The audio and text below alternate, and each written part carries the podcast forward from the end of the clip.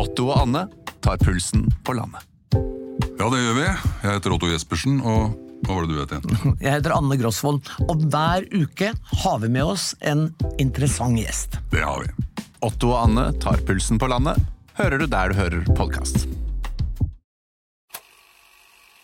Ready? You have the cameras rolling? He was hosting boozy parties in Downing Street. But when the president does it, that means that it is not illegal. I have a dream. We will win this election and we will change the country together. And the Kremlin is organizing a sham referendum to try to annex parts of Ukraine. Velkommen. Velkommen. Mitt navn er Sofie Høgestøl, Og mitt navn er Eirik Bergesen. Og dette er vårt nokså uhøytidelige, veldig personlige forsøk på å gå bak ukas nyheter, lete etter sammenhengene, si noe om fremtiden, på jakt etter det store bildet, slik vi ser det. Hver fredag. Og gud, det føles godt å være tilbake igjen, Eirik. Det var veldig rart å, å ikke være Eller det var veldig rart å få en sånn notifikasjon forrige uke om at det var en ny podkastepisode som jeg ikke var med på. For jeg var jo på ferie i Italia. Og det litt, vi kan begynne med det lille bildet. Jeg, jeg så for meg at du kom til å være masse sånn bilder fra eh, inni valglokaler og sånt. Men det var bare bilder fra inni restauranter. Ja, jeg, spis, jeg spiste veldig mye mat. Jeg lå på stranden. Men det, jeg, var, jeg var da i um, Sicilia i uh, Italia. Og hadde jo ikke egentlig tenkt det Det gikk ikke opp for meg før uken før jeg reiste at jeg skulle være der under et valg. Uh, og det var litt rar følelse å være et sted hvor det var et valg, men det var veldig lite synlig valgaktivitet. Og så fant jeg ut på valgkvelden at Sicilia hadde den laveste valgdeltakelsen i så å si hele landet. Så jeg, jeg gikk jo rundt på jakt etter valglokalet på søndag, men fant ingen. Og um, og, eh, og så, jeg, liksom så sjekket jeg gjennom italiensk TV om kvelden, og så var jeg sånn Men hvor er alle valgsendingene? Og så viser det seg at Italia så stenger ikke valgurnene før klokken 11. Så, så de det, er- det, er- det er litt det er helt andre Det er bare helt andre tilstander enn det. Så jeg, jeg måtte Jeg så på BBC-dekningen som sikkert alle andre. Men det her høres ut som en sånn herre Sånn nerdens eh, sånn sinnrike plan, hvor du eh, Du De som du drar på ferie med, ikke vet at det er valg Ja. på den tiden du drar på ferie. For eksempel min familie, beklager. Eh, Vi var i i påska i Frankrike da det var valg i Frankrike. Og jeg brukte kanskje litt vel mye tid på det, og ikke på altfor mye familieorienterte ting. Jeg fikk til begge deler. Fikk begge deler. Det føltes også veldig rart å være i et land som på den ene siden var litt sånn Oi, vi får vår første kvinnelige statsminister. Så positivt. På den andre siden så er det sånn Ja, men også den første veldig høyreorienterte lederen siden Mussolini. Um, så det, det var sånn Siden 43. Siden 43. Så det var litt um, See my fascist, er ikke det ordet Biden bruker? På Ja. den slags? Ja, så det Vi, du, vi snakket faktisk en del om det italienske Ja. valget da du ikke var her, for øvrig. Eh, Og for en at, vikar du har fått inn. Du fikk inn. fordi at du var der, og så det, det, bare, det bare ble sånn. Så jeg beklager at jeg liksom har stole your thunder. Nei, det, nei. nei, men eh, da visste vi ikke helt hvordan det kom til ende. Så fortell litt da hvordan det hele endte, og hvor skummelt det er for verden. Det endte jo som man, man skulle tro, eh, i den forstand at de partiene man trodde skulle vinne, altså den høyrekoalisjonen, med også da Sylvi Berlusconi, som at han har gjort et comeback. Han leder jo nå en av de mindre koalisjonspartiene da, i denne, denne, høyrevridde høyrevridde koalisjonen som nå kommer til å styre landet. Men de gjorde et overbevisende valg. Det, det ble ganske likt det prognosene hadde spådd. Sånn sett ikke en overraskende valgkveld. Eh, Jeg tror det som interesserte meg mest, var når jeg hadde ikke Jeg hadde ikke lest opp jeg hadde, ikke, eh, jeg hadde ikke lest meg så mye opp om hvem denne, denne Georgia Meloni var før, kanskje noen uker før valget. Det som interesserer meg med henne, er jo at hun har vært ganske mye i USA. Hun har fått rådgivning fra Steve Bannon, hun har vært på eh, koalisjonsmøter med konservative krefter i USA, og da gjerne disse altså Trump-orienterte konservative krefter. Så det var, når, jeg, når jeg så en del videoer av henne, så syntes jeg det var interessant å se måten mye av retorikken hennes, eller så mye av retorikken hennes for meg var veldig gjenkjennbar som Trump-aktig retorikk. Jeg ser at de har hatt samme, samme rådgiver, for å si det sånn. Og det, det er jo det er jo en av de urovekkende trekkene som også var for så vidt, Jeg så at det var en runde på det i Dagsnytt 18 denne, denne uken, om måten høyrepopulister i Vesten inspirerer hverandre, eh, og, og, og, det smitter liksom over. Ja, fordi eh, hun eh, ble jo faktisk tatt opp av Carrie Lake. Vi har jo nevnt henne Kari Lake. Kari Som vi ikke Lake. vet om har norske aner eller ikke, det må vi finne ut av. eh, som jo er eh, sitter valg i Arizona nå, og er faktisk litt sånn chumsk på den måten at hun har veldig lang Hun har vært i stuene til folk da, i veldig mange år som eh, TV-personlighet, eh, og, og, nå bruker måte liksom disse Trump-triksene. Men et av hennes triks er jo faktisk å vise til eh, Meloni og si at hei, hun blir anklaget for å være rasist og fascist og så videre, og akkurat det blir jeg også.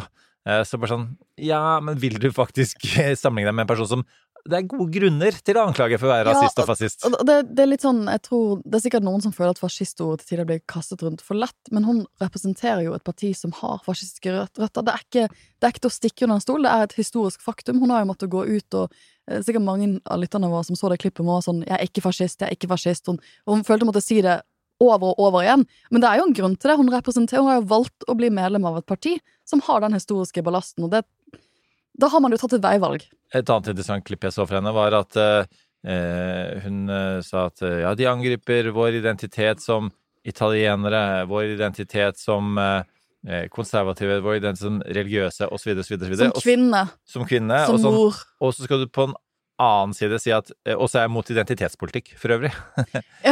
Altså, det, det, det, det, blir jo ikke mer identitetspolitikk enn det hun har drevet. Ja, og kjempespennende at hun tydeligvis har eh, En av misjonene hennes er å endre grunnloven for å endre valgsystemet uh, slik de har det i, i um, Italia i dag. Om hun har fått stor nok flertall bak seg i, uh, i, Italia til å gjøre det, det gjenstår jo å se.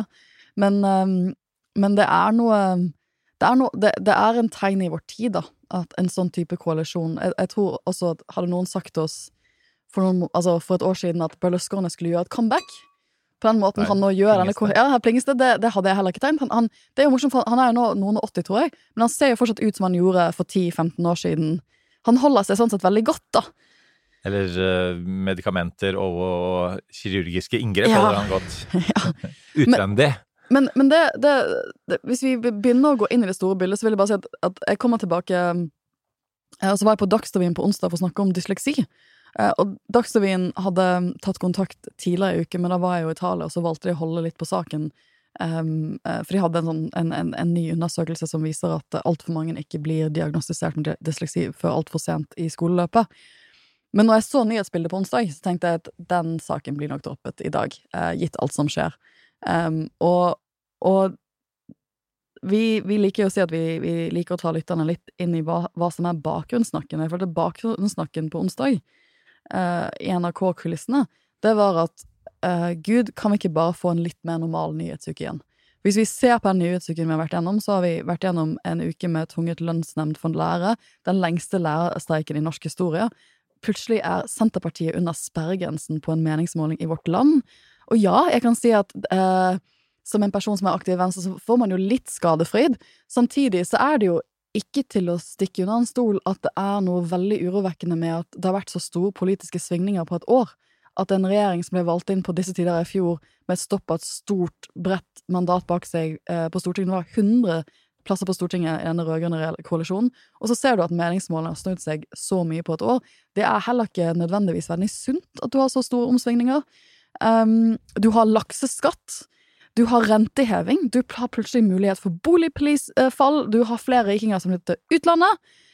Men nesten alle disse sakene har vi ikke hatt tid til å diskutere eh, eh, altså diskutere ordentlig i, i, offentligheten eller nyhetsbildet av det som skjer i verden. Ja, og hvis, det vi skal snakke aller mest om i dag, det er eh, det som skjer i verden. Det blir ofte sånn på poden vår. Og ikke minst det som eh, skjer i Russland og Ukraina, og som har tatt oss krigen litt nærmere oss, nemlig med de eksplosjonene på eh, disse eh, gassledningene. Men før vi går dit, så vil jeg ta tak i en av de tingene du nevnte her, Sofie. Fordi det var ja, litt mitt lille bilde, som for så vidt var, var, stort nok, det. I den forstand at jeg ledet forbrukerkonferansen denne uka her. Samme dag som det ble lagt fram tall om økonomisk sårbarhet i den norske befolkningen. Og det er jeg vet ikke om folk har fått det ordentlig med seg. I hvert fall de som eh, ikke sliter like hardt med å betale strømregning, eh, rente, rett og slett mat, maten sin. Eh, nemlig at altså antallet økonomisk trygge husholdninger har falt med to mm. tredjedeler til mm. under 50% første gang man har målt økonomisk trygghet. Eh, og dette har skjedd sånn nesten litt sånn over natta. Eh, og at, at, folk får en veldig annen økonomi. Eh, og eh, det er faktisk en, en eh, Han som la fram disse tallene her, Christian Poppe på SIO, han brukte en kategori som man kaller for ille ute. Som er ganske voldsom måte å kategorisere folk på. Og det betyr at du da du har ikke sparepenger igjen, eh, du kan ikke håndtere en uventet eh, mm. utgift. Mm. Og, det, dette er også mennesker som, som, slet under korona og trodde nå at nå hadde på en måte hodet over vannet. Og så kan man også legge til en del av de på en måte, økonomiske problemene man får ved å ta opp lån med altfor høy kreditt. Man misligholder det, og så, og så, blir det en nedadgående spiral. Og du hadde Blant annet Hallgeir Kvadsheim, som mange kjenner som forbrukerøkonom, men faktisk styreleder i Inkassoregisteret. Eh, han eh, som er jo kjent for luksusfellen, men dette er, det er, ikke, er lenger luksus, liksom. Du, du, havner i en felle ved nærmest bare prøve å være en normal forbruker. Så det var sånn, et sånn dystert bakteppe til, til, hele den eh, konferansen, men også og tiden fremover. Fordi vi, da vi var på Gyldendal og hadde livepod tidligere i uka, som var veldig gøy, så, så, var jo en av de tingene når vi, da, når vi snakker om kriser, så, så pandemien som jeg nevnte, det er jo noe som, eh, som vi hadde en veldig tro på at skulle gå bort, for at vi så at alle prøvde å gjøre noe med det. Eh, enten det var eh, byråkratiet og politikere og næringsliv og til og med media. Eh, på en måte gikk litt sånn samme retning. Mens, mens, nå så det er vanskelig å se en, en, ende på det. Så de som sliter i denne situasjonen, de, eh, og det er litt sånn nytt, de eh, har gode grunner til å på en måte ja, være litt ekstra pessimistiske nå, rett og slett. Uh, absolutt. Så det vi skal snakke om i Men det er ikke det vi, vi skal ikke snakke om norske økonomiske forhold akkurat nå. For det, det er igjen litt sånn som ble sagt på bakrommet på NRK denne uken. Vi har ikke tid til å ta uh, Vanligvis ville det vært mye mer diskusjon rundt at boligprisene kanskje kommer til å falle to år på rad nå, og disse økonomiske prognosene. Men, men, men, denne uken har vært nok en sjelsettende uke i krigen, i krigen i Europa eh, som vi må snakke om. Så jeg tenker vi begynner med gasskabler og annektering, som det store bildet, og så kommer vi til å runde av med en liten statsoppdatering på USA. USA er like koko som før, det kan vi ikke slutte å prate om. Nei, men, men for det, uh, Eirik, jeg tenkte sånn uh, Du nevnte jo at vi var på Gyllendal, og en av de tingene du sa under det foredraget, var akkurat det du var innom nå, som jeg har tenkt mye på siden du sa det, og det var at under pandemien så så vi en vei ut, altså at, eller, og det var masse usikkerhet, og det var en veldig ukomfortabel tid. Det var en veldig surrealistisk tid. Man tenkte at ok, har, det er en plan her internasjonalt. Vi skal få en, det er et stort vaksinekappløp. Vi skal få en vaksine, så skal vi ta den vaksinen, og så skal vi følge disse Hvis vi bare, hvis vi bare gjør en del av disse um, smitteverntiltakene, så kommer vi oss ut av denne krisen på en eller annen måte. Dette er veldig usikkert, men vi, vi jobber sammen om et felles prosjekt her den følelsen har man ikke nå. Den krisen vi er inne i nå, er det akkurat det at vi, vi har ikke det, ikke det, virker ikke som å være noen plan. Det er ingen stor plan. Det er nesten helt umulig å si hva som skjer om fire uker. Det er veldig vanskelig å forutse om dette er situasjonen om tre år. Og det at det ikke er noen endepunkt her, og noen tydelig vei ut akkurat nå, det tror jeg skaper mer, en annen type usikkerhet enn det det gjorde under pandemien. Og det var litt det vi snakket om på Gyldendal, at jeg merker det på studentene mine. Eh, at den, at den fremtidsoptimismen, eh, den usikkerheten om, om, hva som skjer eh, fremover nå, den er veldig reell. Og den blir jo ikke mindre på en uke som dette, hvor vi har hatt sabotasje av um, gasslinjer i, i, Europa. Du, du hadde jo eh, Dere gjorde jo norske tilstander om dette i går. Da, da hadde dere en helt vinkling på det at nå, nå har krigen kommet mye nærmere Norge. Ja, eh, altså Norge som terrormål var vel den tittelen jeg tror vi endte opp med. og vi, vi, vet jo at vi grenser til Russland. Vi vet at vi er det eneste landet som grenser til Russland som de aldri har invadert. Eh, og så har vi jo hatt en idé om at eh, vi, vi er med i Nato. Eh, vi har, vi har hatt et noenlunde fredelig forhold til Russland, rett og slett. Og det sa Julie Wilhelmsen på, i vårt også, som jo forsker på disse tingene her, at fram til for noen år siden så, så, ble vi sett på altså vi sett på med litt sånn egne øyne da, av russerne, mens nå blir vi klumpet inn sammen med Nato og USA, um, enten vi liker det eller ikke. Uh, så Sånn at vi, og, og det at, eh, at vi gjør det, gjør at vi da eh, også eh, både blir eh, av eh, visse eh, folkerettsjurister eh, kalt for medkrigere, i hvert fall det spørsmålet blir reist, om vi har det. Eh, og, og når vi da, når disse rørledningene eh, ble sprengt på tre forskjellige steder, så hadde jo, eh, og det burde jo være en mistanke nok, det, eh, russisk eh, propagandamedia eh, forklaringen klar, veldig kjapt, med hvem som sto bak dette. Eh, Og det var eh, blant annet et av programmene som eh, sa at dette var jo selvfølgelig Norge. Ja, altså, et, av de russiske, et av de russiske programmene som Mm. sa veldig tidlig at dette er norsk, rett og slett. Norsk. ledtog med, med, med, med britiske militære, helt åpenbart for å ramme Tyskland, så ikke de fikk gass fra Russland. Og på en måte fascinerende hvordan det ble fremstilt som, som veldig logisk og åpenbart. Og det, man har eh, si, alibiet sitt klart så tidlig, Mm. eh, så, så sier det kanskje litt om, eh, om hvem som står bak. Og så har i hvert fall i vårt program så eh, konkluderte vi med at det er plausibelt at Russland står bak. Så vet vi jo Ja. ikke det er 100% sikkert heller. Men det som på en måte da eh, man jo lurer på, er jo eh, og, og grunnen til at Norge da man tenker terrormål osv., er at eh, eksempel av Næringslivets sikkerhetsråd, som også var til stede, eh, har jo over lang tid dokumentert nettopp russisk overvåkning, eh, russisk forsøk på å verve nordmenn, og ikke minst i disse havområdene. I fjor på akkurat samme tid så var det et forskningsskip man var ute og advarte mot, som, de, som patruljerte fram og tilbake, russisk. Kanskje det er litt forskning òg, men også eh, da det med kartla rørledninger osv. Eh, og, og det er jo helt åpenbart at, at nordmenn er eh, at norske bedrifter har vært naive eh, i møte med tingene her, og, og ikke, måtte ikke vært tydelige nok på at her er det noen helt åpenbare interessemotsetninger eh, opp mot Russland. Ja, altså, jeg tenker jo litt på når jeg snakket om Russland i folkerettsforelesningene mine før i år, da. Eh, og det har jo eh, gjerne vært sånn Å ja, det, hva er Jeg gir forelesningen eh, som går på bruk av makt i folkeretten. Reglene for bruk av makt. Som den forelesningen skal jeg gi om noen uker. Den går liksom på slutt, eller på midten av semesteret.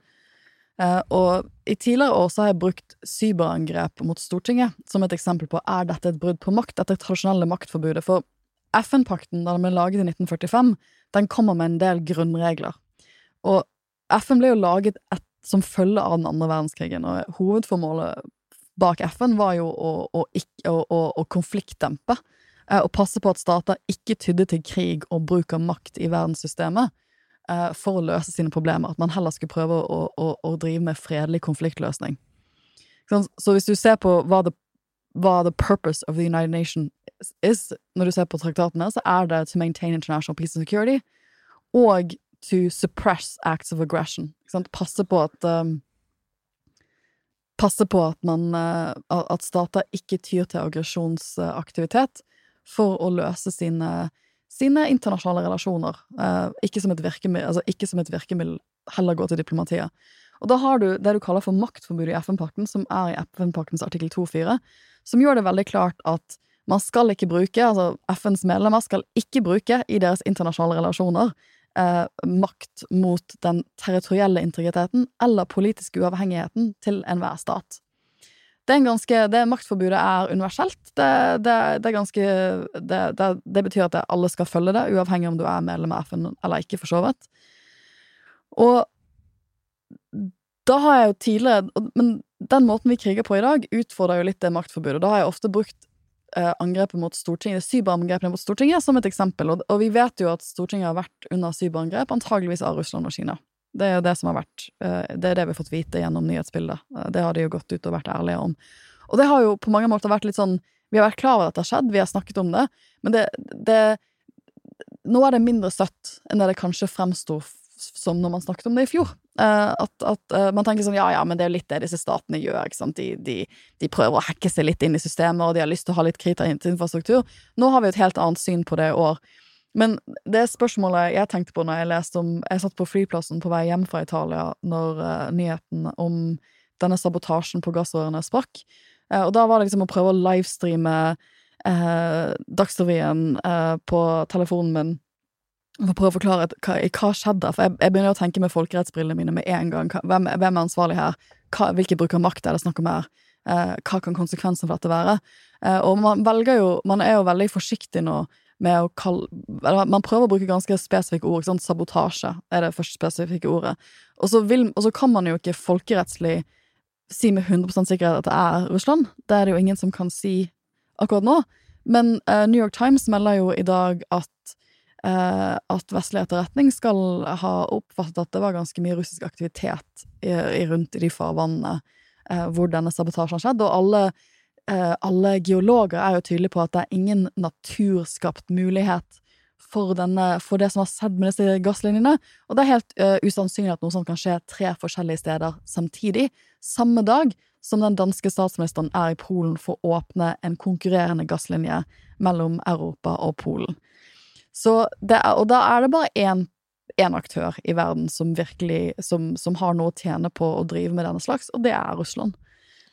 Jeg stilte jo deg eh, spørsmålet på vei inn i studio her. Jeg stilte deg artikkel 5-spørsmålet idet ja. vi var i ferd med å sette oss. Og det er, er jo du, Du, eh, avviste det nesten helt, ja, i den forstand at, at, det krever en litt større diskusjon. Det krever litt, men jeg kan si at som en enkel hovedregel så er det så skal du bruke ganske lite makt for å uh, bryte maktforbudet. Det er ganske lav terskel for å bryte maktforbudet. Det, det er en, en liten det, det, skal ikke så mye Det skal ikke, skal ikke så mange missiler til, eller uh, så mye militær maktbruk til, for at du har brutt maktforbudet. Men FN har jo uh, hoved, Hovedregelen er at du ikke kan bruke makt med unntak av i selvforsvar. Og det er også FN-pakten en egen regel for, i artikkel 51. Og den oppstiller nok en høyere terskel for å bli aktivisert. Det betyr at du kan ha noen bruk av makt som er et, som er et brudd på maktforbudet, men som ikke utløser en rett til selvforsvar. Da skal det litt mer makt til. For vi vil, vi vil, ikke at stater skal bare kunne ty til fullt ut forsvarskrig med en gang det skjer en mindre, mindre maktutveksling i verdenssystemet. Så det, noe kan være et brudd for maktforbudet, men ikke utløse artikkel 5 i Nato. For artikkel 5 er den kollektive selvforsvaren, men vi må jo tolke artikkel 5 av Nato-traktaten i lys av selvforsvarsretten i FN. De to tingene må gå, uh, gå overens. Så om dette utløser noe selvforsvarsrett, eller da plikt For det er jo det, det, er det andre med artikkel 5. Det er hele poenget med artikkel 5 at alle medlemsland av Nato da skal stå sammen. Um, og vi er pliktet til å gjøre det under Nato-pakten.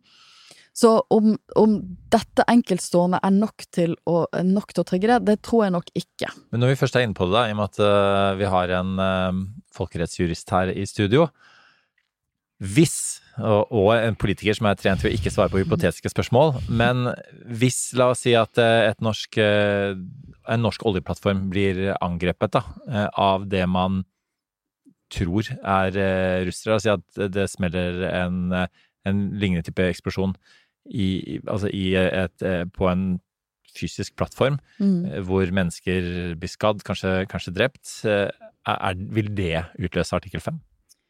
Jeg syns det er vanskelig å si, uh, si, på generell basis, men jeg tror det vi kan si, er at ICJ, som er den internasjonale domstolen i Haag, har, i, eller, har, hatt en sak som gikk på oljeplattformer som heter Oljeplattformsaken fra 2003.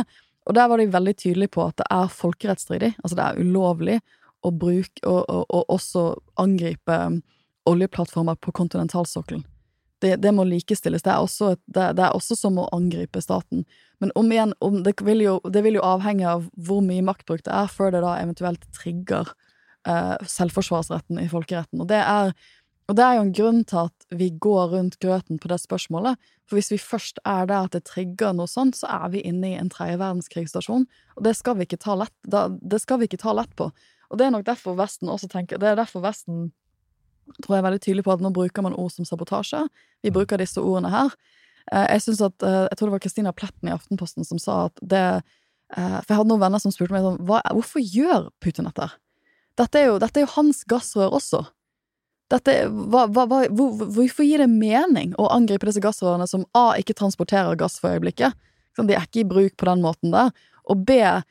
Eh, dette er jo gassrør som skal gå til Russland. Hvilken, hvilken, mening er det bak dette? Og det kan jeg godt forstå, men, det, men jeg tror det var Kristina Pletten i Aftenposten som sa at dette er litt som å, å liksom ta sånn 'leaving a dead horse's head' liksom, liksom på mm. Europas dører. Sånn, ja, jeg kan fucke med dere sånn. Mm. Jeg kan, jeg kan sånn, nå har jeg brutt masse spilleregler vis-à-vis Ukraina, men nå er jeg I'm unchained. Nå kan jeg gjøre masse, nå kan jeg gjøre masse rart for å gjøre dere urolige.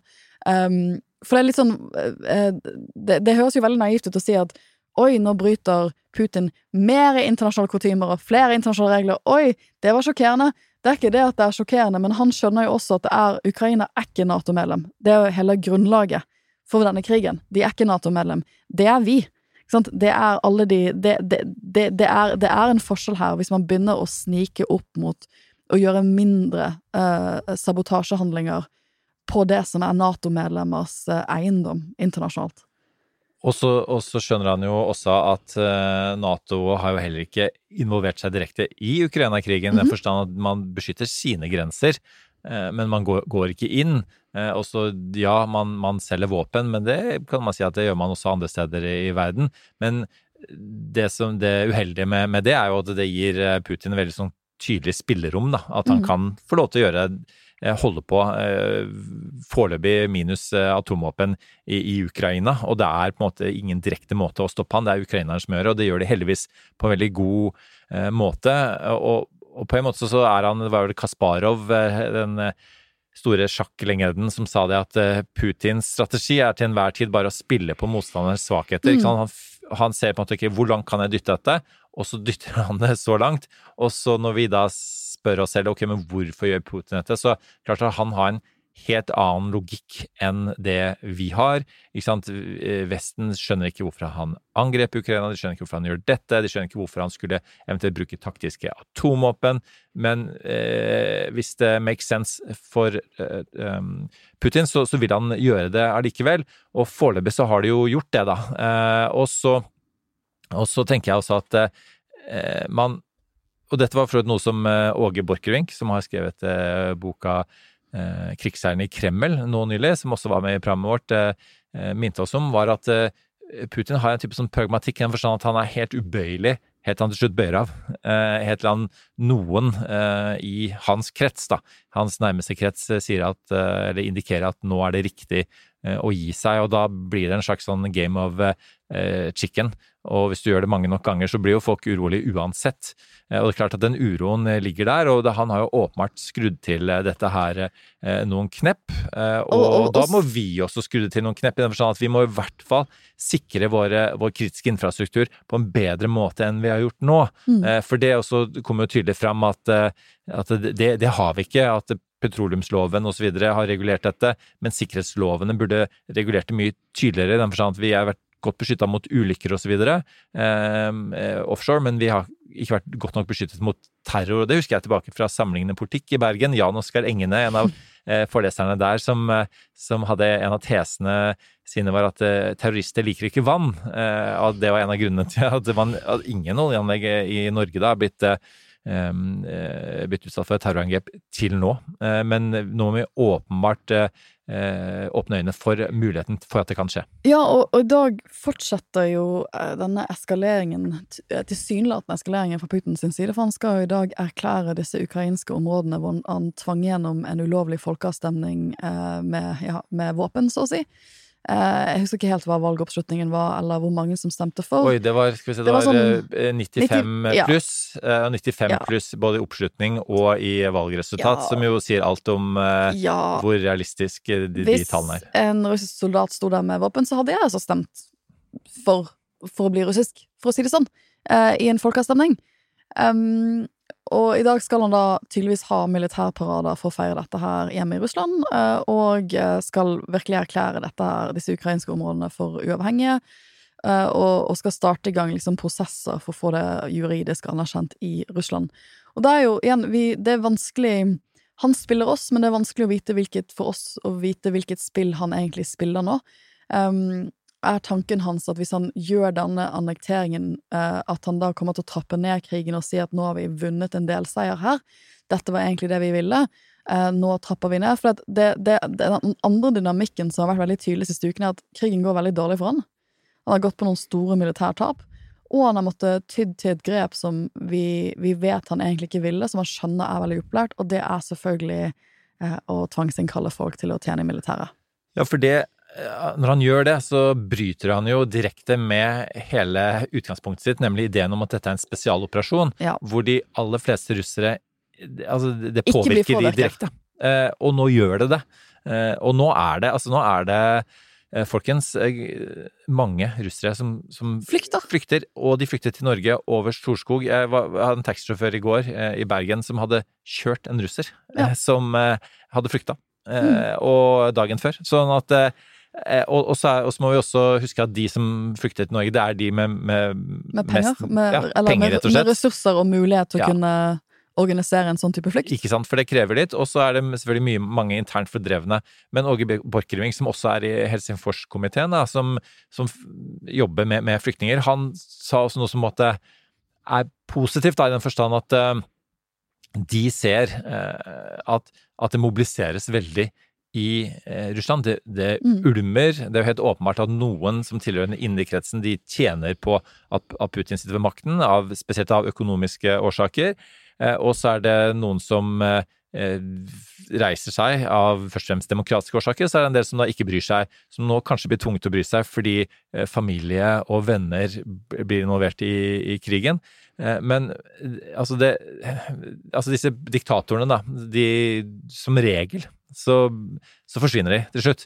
Og de som holder seg lengst, det er ofte fordi at de er eh, i stand til å tilpasse seg hele Ja, tiden. og de samspiller med eliten sin. De greier å holde deler av eliten sin fornøyd, de greier å holde deler av folket fornøyd. Ja, og folk òg, i den forstand at eh, hvis du ser på sånn som da, da jeg eh, begynte å jobbe i UD og, og, og jobbet mye med Balkan osv. En Milosevic har jeg mange ganger brukt som eksempel på som sånn eh, ideal da, i gåseøynene. Diktatoren i den forstand at han var Først var han kommunist, og så var han sosialist, og så var han sosialdemokrat, og så var han nasjonalist. Han, altså eh, Som Marlon Brando blir spurt i The Wild One, 'Johnny, what are you rebelling against?' Så sier han 'What have you got?' Ikke sant? Altså, jeg, man tar på seg de klærne som ligger til, tilgjengelig, øverst i skapet, som eh, Per Sandberg sa. eh, han Eh, og, og, og det som da skjer, er jo at du, du klarer å tilpasse deg de ulike tidene. Og hvis du tillater sånn noenlunde fri presse, hvis du ikke er altfor selvopptatt og har bygget store palasser, men sånn som Milosevic satt på et lite kontor og bare egentlig hadde som din eneste jobb å holde deg ved makten, vel, så går det enn så lenge. Men Milosevic, eh, som vi husker, eh, ble straffeforfulgt, rett og slett, etter Ja. Kosovo-krigen. Altså, det, var, det var den ekstra biten han eh, bet som var for stor. Og så kan man jo åpenbart eh, ikke utelukke, gitt at eh, Putins eh, har så mye ja-folk rundt seg i så mange år at han ikke får gode råd, Mm. at også Putin på en eller annen måte foregner seg. Ja, altså, jeg, jeg tror at når jeg snakker med gode kollegaer i statsvitenskap, så er det litt sånn, det er ikke så mange gode pensjonsmuligheter for en diktator når du kommer på et visst nivå. Når du kommer på et visst nivå av grotesk diktatur, så er det ikke så mange gode måter. Det er eksil, da. Det er hvis du kan greie å forhandle en avtale hvor du kommer deg inn til et eksil, og kan bo rikt kan bo som en riking, gjerne i et utviklingsland med få, eh, få utleveringsavtaler til andre typer land, sånn at du kan bare bli boende der resten av livet ditt. Um, hvis ikke er det jo prisgitt at du ikke er så forhatt og så omdiskutert internt i det landet du har vært diktator for, at du kan bli værende, da. Og det er Eh, sjelden de gjør det. det er sånn veldig- Haiti-type Ja, babydock-ting, det. Det, og det er, man gjør det ikke lenger.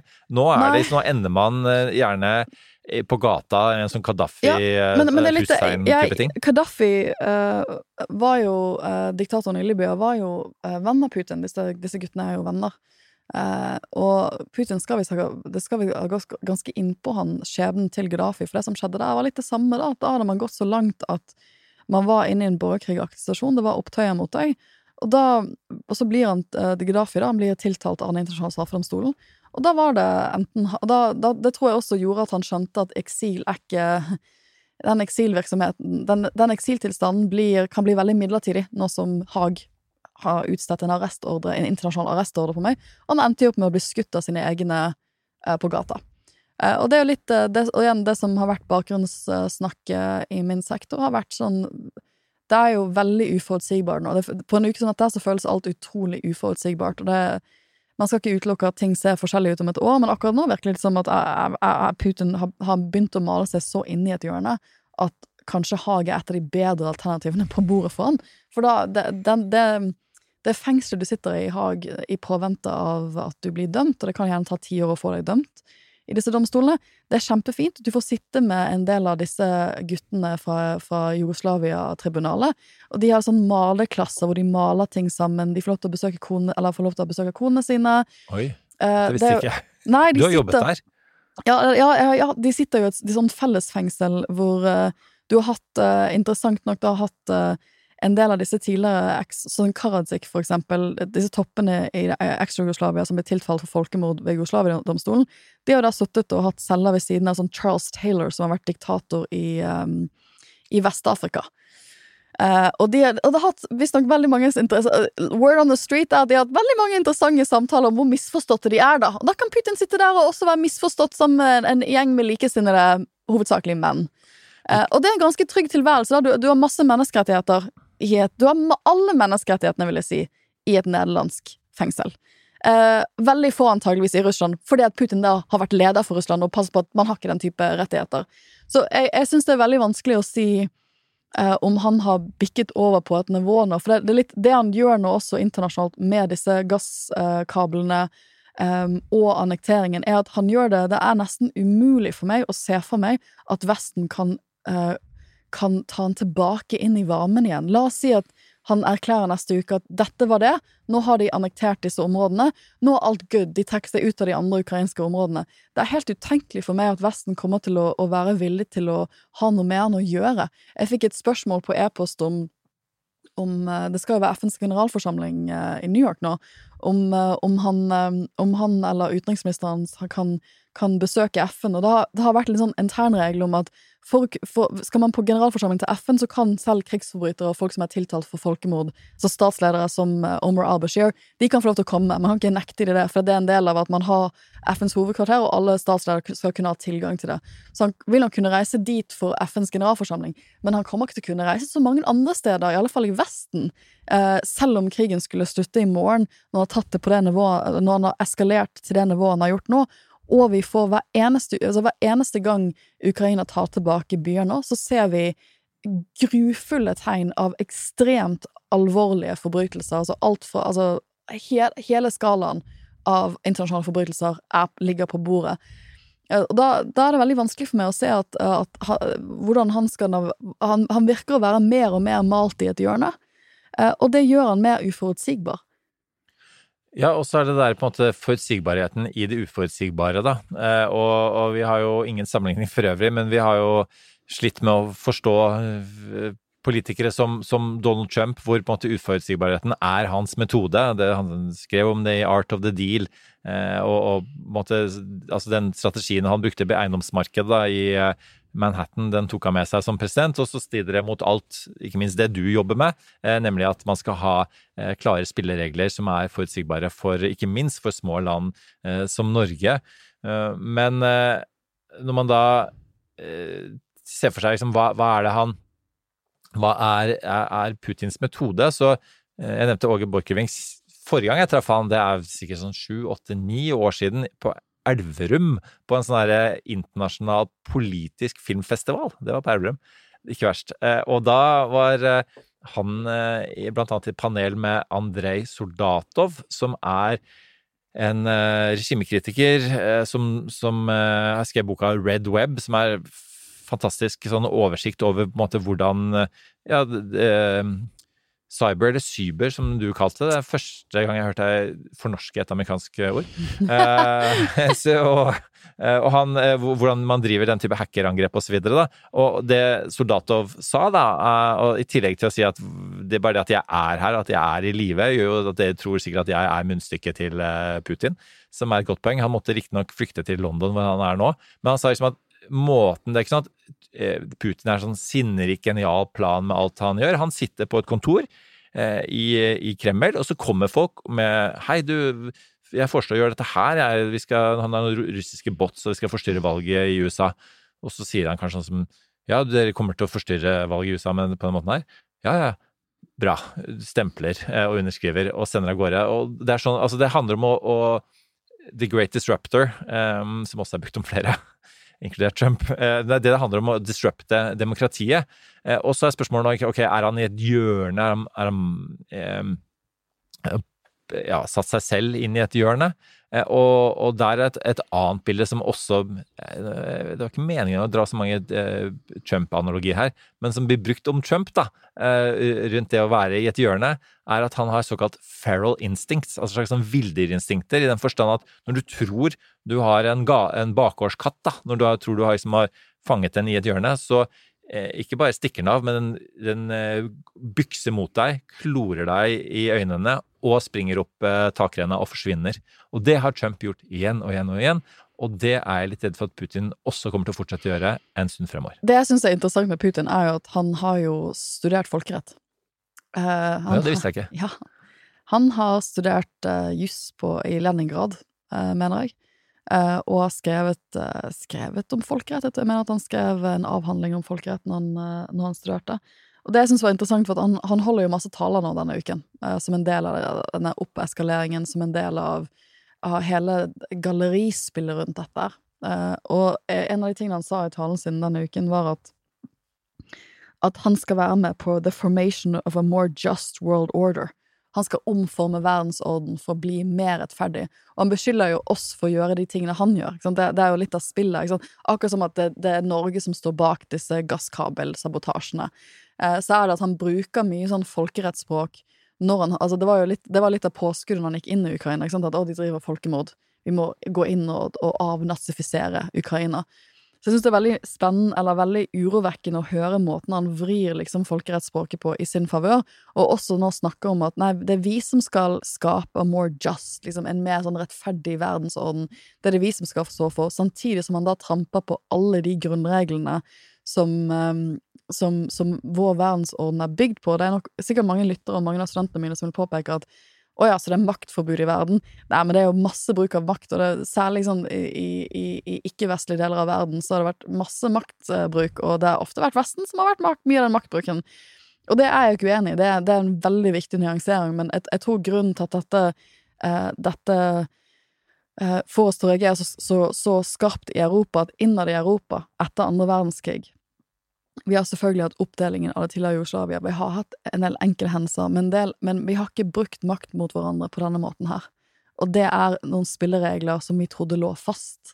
Og det at de ikke legger, ligger fast lenger, det, er, det, gjør oss, det gjør oss Det er urovekkende, og det gjør at du, du ser jo hvordan markedet reagerer på dette. Du ser jo hvordan økonomien reagerer på, på den usikkerheten som er i verden nå.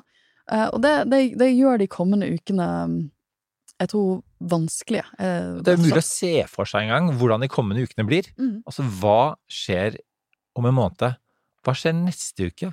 Altså, gitt at det eskalerer for hver eneste uke, og da, da tenker jeg ikke bare på krigen i Ukraina, men også den økonomiske eh, situasjonen. Og det er på en måte ikke en, eh, en ende i sikte, da. Eh, Sånn som vi begynte med å snakke om med, med pandemien. Et, sånn derre- Hvis vi prøver å avslutte dette der, så tar vi, rekker vi bonusrunden vår Mhm. med eh, Trump Watch. Så, så, leste jeg et eh, sitat, dette var i eh, Dagbladet um, i går, så noe av det siste jeg leste før jeg la meg, rakk liksom akkurat å copy-paste inn i Google-doksen vår.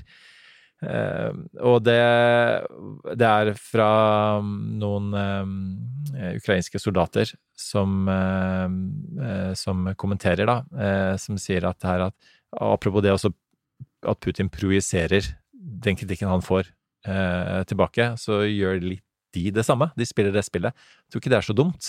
Vi sier at da vi satt på en lastebil inn i Ukraina, skjønte jeg at vi var okkupantene. Vi var fascistene. Ja, det foregår en avnazifisering og demilitarisering i Ukraina nå. Ikke av Ukraina, men av oss.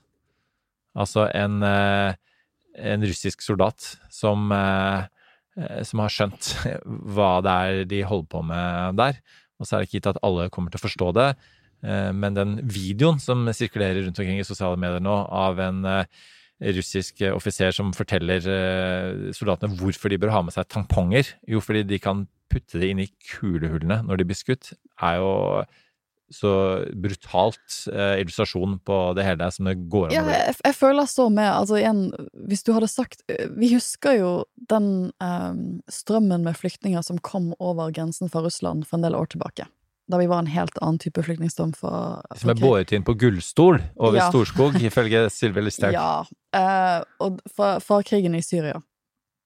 Og, og det hadde du sagt da at om noen år så kommer det en flyktningbølge eller en asylbølge, av russiske menn som flykter eh, og blir tvangsinnsatt i militæret for å gå ut og krige i Ukraina, så hadde ingen trodd det. Eh, det eller veldig få tenk, hadde tenkt at det var utenkelig. Eh, og det, det er en Det er et symbol på hvor vi er nå. At det, at det, det er rett og slett russere som kommer inn for det på grunn av uh, Jeg skjønner det godt, jeg hadde ikke reist Jeg hadde ikke ville blitt tvangsreist til Ukraina. Der har jeg broen til USA. Og med det Oi. Trump Watch. Quiet, quiet, quiet. You are a rude, terrible person.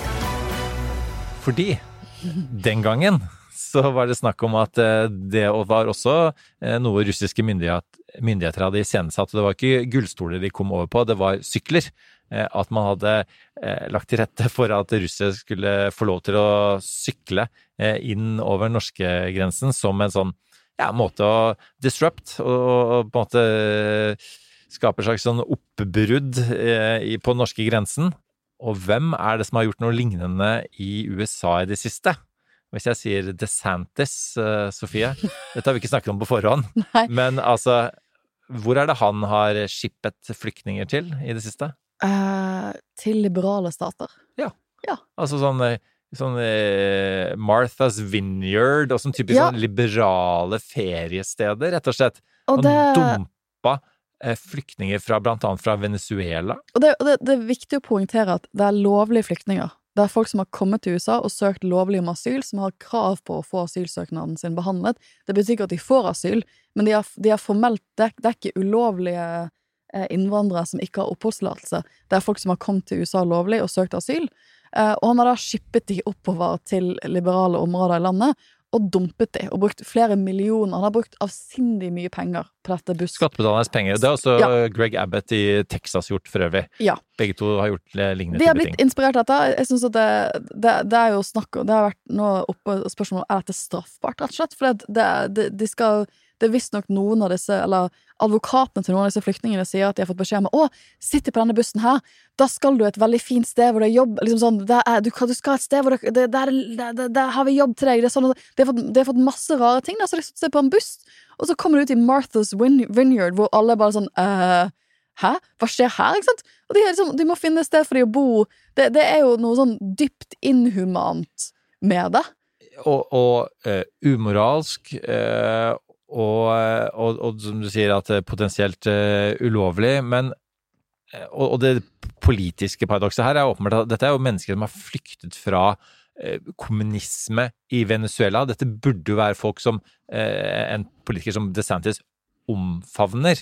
Altså i den grad han ikke forstår på en måte hva det er de flykter fra, og hva det er de flykter til, nemlig den amerikanske friheten. Så, så det var det, var det som burde vært storyen. Men det vi ser eh, her, og som vi begynte programmet med, eh, den type populisme, det funker. Fordi hva er det som skjer? Jo, eh, det er en- måte å kontre da demokratenes strategi på, som er å beite Donald Trump, sånn at skal, valget skal handle om Donald Trump i stedet for økonomien. Vel, så gjør disse smarte populistene, eh, og da tenker jeg ikke på eh, Trump, eh, men jeg tenker på DeSantis og Abbott, de bruker det samme spillet, og så får de dette til å handle om grensen på altså innvandring, da, det gamle populistkortet innvandring, og, og ikke Donald Trump. Sånn at dette er det spillet, og denne uka så har de vunnet frem, og det ser vi også på meningsmålinger. Ja, det, men det jeg synes er sånn det, det, det som er sånn trist og spennende i dag, er jo at det Florida driver med nå, er jo denne forferdelige orkanen. Eh, så plutselig er jo DeSantis i en prosess hvor han har liksom kastet, som eh, New York Times skriver, har kastet masse politiske bomber siste uken. Og nå må han rett og slett i dag gå til president Biden og spørre om krisehjelp, noe han har kritisert at altså, Han er jo ikke veldig for statlige tilskudd sånn generelt sett. Han er ikke for at den føderale staten skal komme og liksom, bruke så mye penger. Og nå må han denne uken her rett og slett eh, spørre om, om hjelp fra den føderale stat, fra Biden direkte, for å, å hjelpe til med med, med, ut, eh, med den store destruksjonen som har vært i Florida, som følge av Ian. De pleier å gi disse stormene navn. Var det ikke Ian Ja. som de har gitt? Mm. uh, ja. Det det er den verste stormen i uh, moderne historie Ja. i Florida. Og, og dette sto altså da i New York Times. Den andre tingen jeg leste før av meg, eh, Sofie, er eh, Man alltid innom New York Times før man legger seg. Eh, og, og noen ganger er det, er det oppløftende. Nå eh, Den er kanskje litt mer blandet, da. Eh, men eh, da var det rett og slett en kommentarartikkel som roste DeSantis, og, og som hvor eh, ingressen var Unlike Trump, DeSantis is showing a populace can be presidential in a crisis. Eh, og at han forstår at i en krise så er amerikanerne de er redde, de er forvirrede, de trenger informasjon, og de trenger handling, ikke politisk teater. Og det DeSantis også gjør, i tillegg til disse her eh, du kalte politiske bomber, altså, eh, helt åpenbart et politisk teater, da, eh, det er at han har daglige briefer, han oppdaterer de på strengt informative ting. Og New York Times, eller kommentatoren i New York Times sier at he flipped the switch and has become the very model of a chief executive leading in a time of crisis. Så for de som måtte frykte en enda trumpere republikaner, eh, hvis ikke det blir Trump, i 2024, eh, mine damer og herrer, Ron DeSantis, eh, han Ja. står klar. Vi har hatt nok noen uker nå hvor det er veldig tydelig at han er Hvis det ikke er Trump, så er DeSantis Han begynner å ha eh, Han begynner også å få name recognition. Vi sitter her og snakker om han i Norge. Han har muligheten til, som du sier, å være det er, derfor, det er derfor guvernørstilling er ganske bra hvis du har lyst til å, å også prøve å bli president. For at da har du Du, kan jo være, du er jo minipresident for staten din. Så du får lov til å gjøre presidentaktige ting som å, å, som å være den trygge hånden gjennom en, eh, en naturkatastrofe som det som skjer nå. Eh, og du får lov til å være for TV, og, og du, du får en posisjon, for Florida er en viktig vippestat. Så får du en posisjon i nasjonalpolitikken du ellers ikke ville fått. Og så gjør du en del politiske teaterting, altså populistiske ting, som å for eksempel da busse flyktninger, eh, lovlige flyktninger, til andre deler av landet, som du sier har vært populært på menings... Så, så, så nedverdigende som jeg syns at noe, det, den busspolitikken er, så ser vi at det funker på meningsmålingene. Og vi, snakker, vi gjorde en sånn superstatusoppdatering på det amerikanske valget for noen uker tilbake. Og litt sånn, hvis vi gjør det lite Vi skal jo Neste uke så skal vi jo bruke mye mer tid på det amerikanske valget, for da er vi så heldige. Vi kan tise det nå.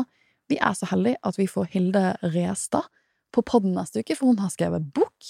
det, da skal vi lage eh, Altså, det, det blir eh, om, om vi kalte forrige episode for Mellomvalg man, mania det kommer til å bli mania. Det kommer til å være mama, mania.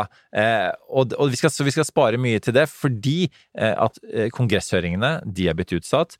Og neste uke kommer det en, en annen det kommer to store bøker. Det kommer Hilde Resas bok og Maggie Habermans bok, den som heter Confidence Man. Men bare en liten lekkasje på de to tingene vi nevnte her nå, eh, som, som har eh, vekket interesse, for å si det sånn. Det ene er at høringene antageligvis eh, vil handle om folkene rundt Trump, veldig tett på Trump, en Roger Stone, en, eh, og som hadde Oath Keepers, altså noen av de gærneste konspirasjonsteoretikerne, som sin eh, slags livvaktstab. Eh, og det høringene, eh, komiteen skal prøve å gjøre, er å prøve også eh, igjen da understreke poenget om at dette var planlagt. Dette er, er det folk som har, har sittet og, og organisert, og de folkene som har organisert det, det er paramilitære eh, politiske tropper. Ja, for vi, vi husker jo at uh, vi, Det føles jo ut som 10 000 år siden nå, men i sommer så hadde jo, så hadde jo virkelig komiteen noen sånn bombshell-høringer på TV.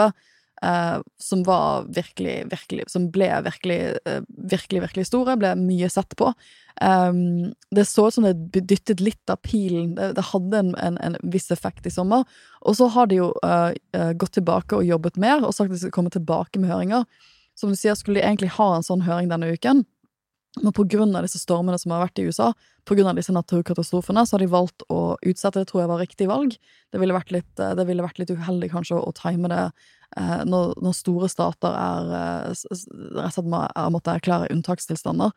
Men det blir veldig veldig spennende, for at den komiteen nå har ekstremt dårlig tid.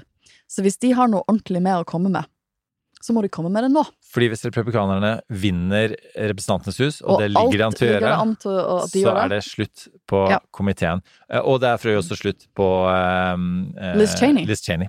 Og hun, Eh. hun er jo den som leder dette her for republikanernes side, så ja. Og så en, en helt kort kommentar til Haberman også, som er ganske interessant. Hun hadde tre såkalte sit-down-interviews med Trump. Hun er jo den som har fulgt Trump Og det er, helt, det er helt utrolig, for Maggie Herberman er jo Hun er øh, bare altså det, Jeg antar de aller fleste av lytterne våre har lest sakene hennes. Hun var en av de som virkelig breaket veldig mye store Trump-saker. For hun har dekt Trump siden hun var eh, tabloidjournalist i New York. Hun skjønner mannen på en litt annen måte enn det jeg tror andre vanlige journalister gjør. Hun har vært veldig tett på han lenge. Um, men det som jeg syns er så absurd, er at hun har jo, han har et sånn hat-elsk-forhold til henne. Where he just cannot quit her. Han vet at det ikke er bra for han å snakke med henne. Han satte satset det tre ganger. Og det er bare sånn, jeg Og snakket og snakket og snakket. aldri trodd at han skulle snakke sitte inn, uh, Han har jo vært så sint på henne Han til vil ha tider. oppmerksomhet. Han vil ha Det er enkelt og greit. Uh, og det, ja, nei, og jeg har store forhåpninger og store forventninger til denne boken, og vi har fått noen lekkasjer, Eirik. Trump nesten ga nesten Ivanka Jared sparken. Det var faktisk Ja, jeg vet det! Det var eh, kabinettsjef John Kelly som stoppet det. Eh, og det var det ene. Så du har historie om at det, altså han henvendte seg til, til en gruppe eh, svarte staffers og trodde det var folk som var, eh, jobba i cateringbyrået, og ba de gå og hente maten. Altså, det, det, er eksempler på, eh, på rasisme, eh, og det er eksempler på jeg skal ikke bruke F-ord, men så, la oss si autoritære trekk, da, som gjør at eh, Dette var 538-gutta som snakka om. Altså, eh, uansett hva som nå kommer i boka til Maggie Haberman, hvis det så er KKK-møter i Lincoln Bedroom, does it really matter? Ja. Altså, er, er det nok? Og en av konklusjonene deres var at uh, uansett hva som kommer i den boka, så, så er det ikke nok. Uansett hva som kommer i høringene, så er det ikke nok. Og med det så må vi gå inn for landing, eh, for vi har en arbeidsdag For du må springe videre skal videre løpe til til TV 2! Eh, Jeg kjapt. skal eh, orientere norske valgobservatører som skal til USA om, om, om det amerikanske valgsystemet. Det blir spennende. Vi skal, lage, vi skal lage promo til amerikanske tilstander, som norske tilstander skal gå over til å bli. Nå har jeg tissa det. Eh, På TV 2. på TV 2. Eh, TV 2 Nyhetene, ikke TV 2 Direkte. Ok, Eirik, jeg føler at denne uken her har vært så heavy at vi bare kjører avkoblinger og ikke noen påkoblinger. For det, nyhetsbildet er en, en forferdelig påkobling i seg selv. Så hva er din uh, avkobling denne Åh, uken? det her jeg gleda meg til å si, for det er jo sånn Å, jeg er en avkobling. Og, jeg, og det har vært en avkobling for meg hele uka. Det er Det egentlig burde, det burde vært din, for det handler om pizza. Nei! Ja. Pizzapolitikk kunne denne episoden her het. Eh, Chef's Table er en sånn Elsker Chef's Table. Netflix-serie som at Chef's Table, kolon, pizza, er den eh, nye serien som ligger ute. Gab Gabrielle Bonci, eh, som er altså eh, Han blir kalt Mich The Michelange eh, Ja, du har vært i Italia, hvordan sier du det? Michelangelo. Michelangelo I don't, I don't og pizza. Eh, og um, bare også se på han lage pizza, og høre, for det er det som er så bra med den serien her, de forteller om um, De går bak personen.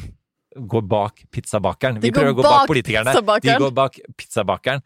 Og, og også jeg eh, Jeg, ehm, jeg det, det, var, det rant eh, eh, tårer fra øynene, og det rant da sikkel fra munnvikene da jeg så på dette her. Og den, eh, den litt, litt tragiske, for å avsløre det, historien om Gabriele Bonci.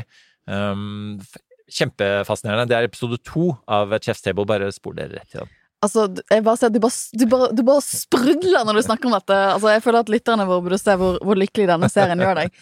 Jeg hadde egentlig tenkt på begynnelsen av uken å, å ha ukens avkobling som House of the Dragon.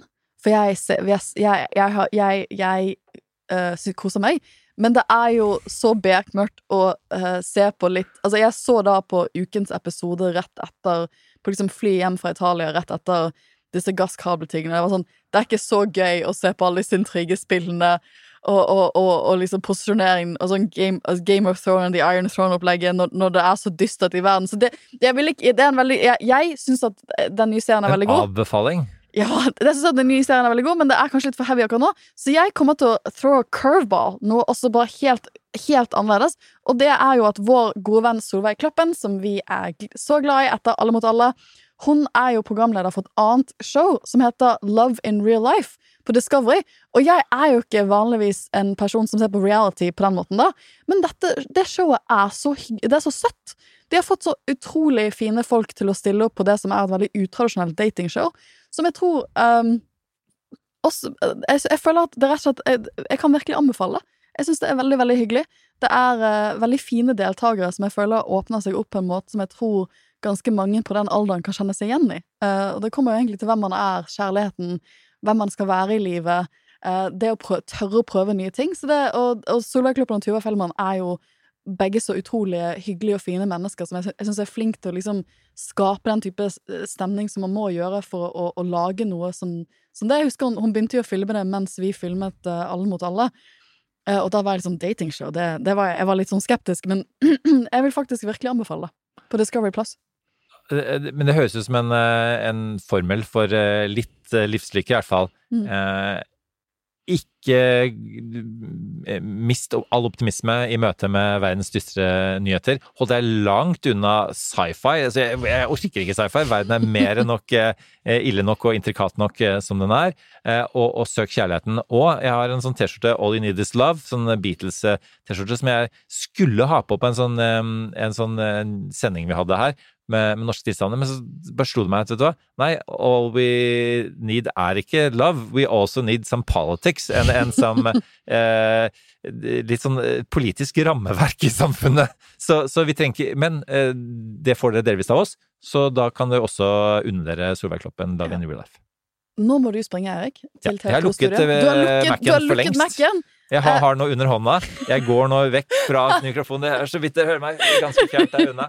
Og eh, tusen takk for oss. Tusen takk for oss. Flott uke videre. Flott uke. Vi snakkes neste uke. That's enough. Put down the mic.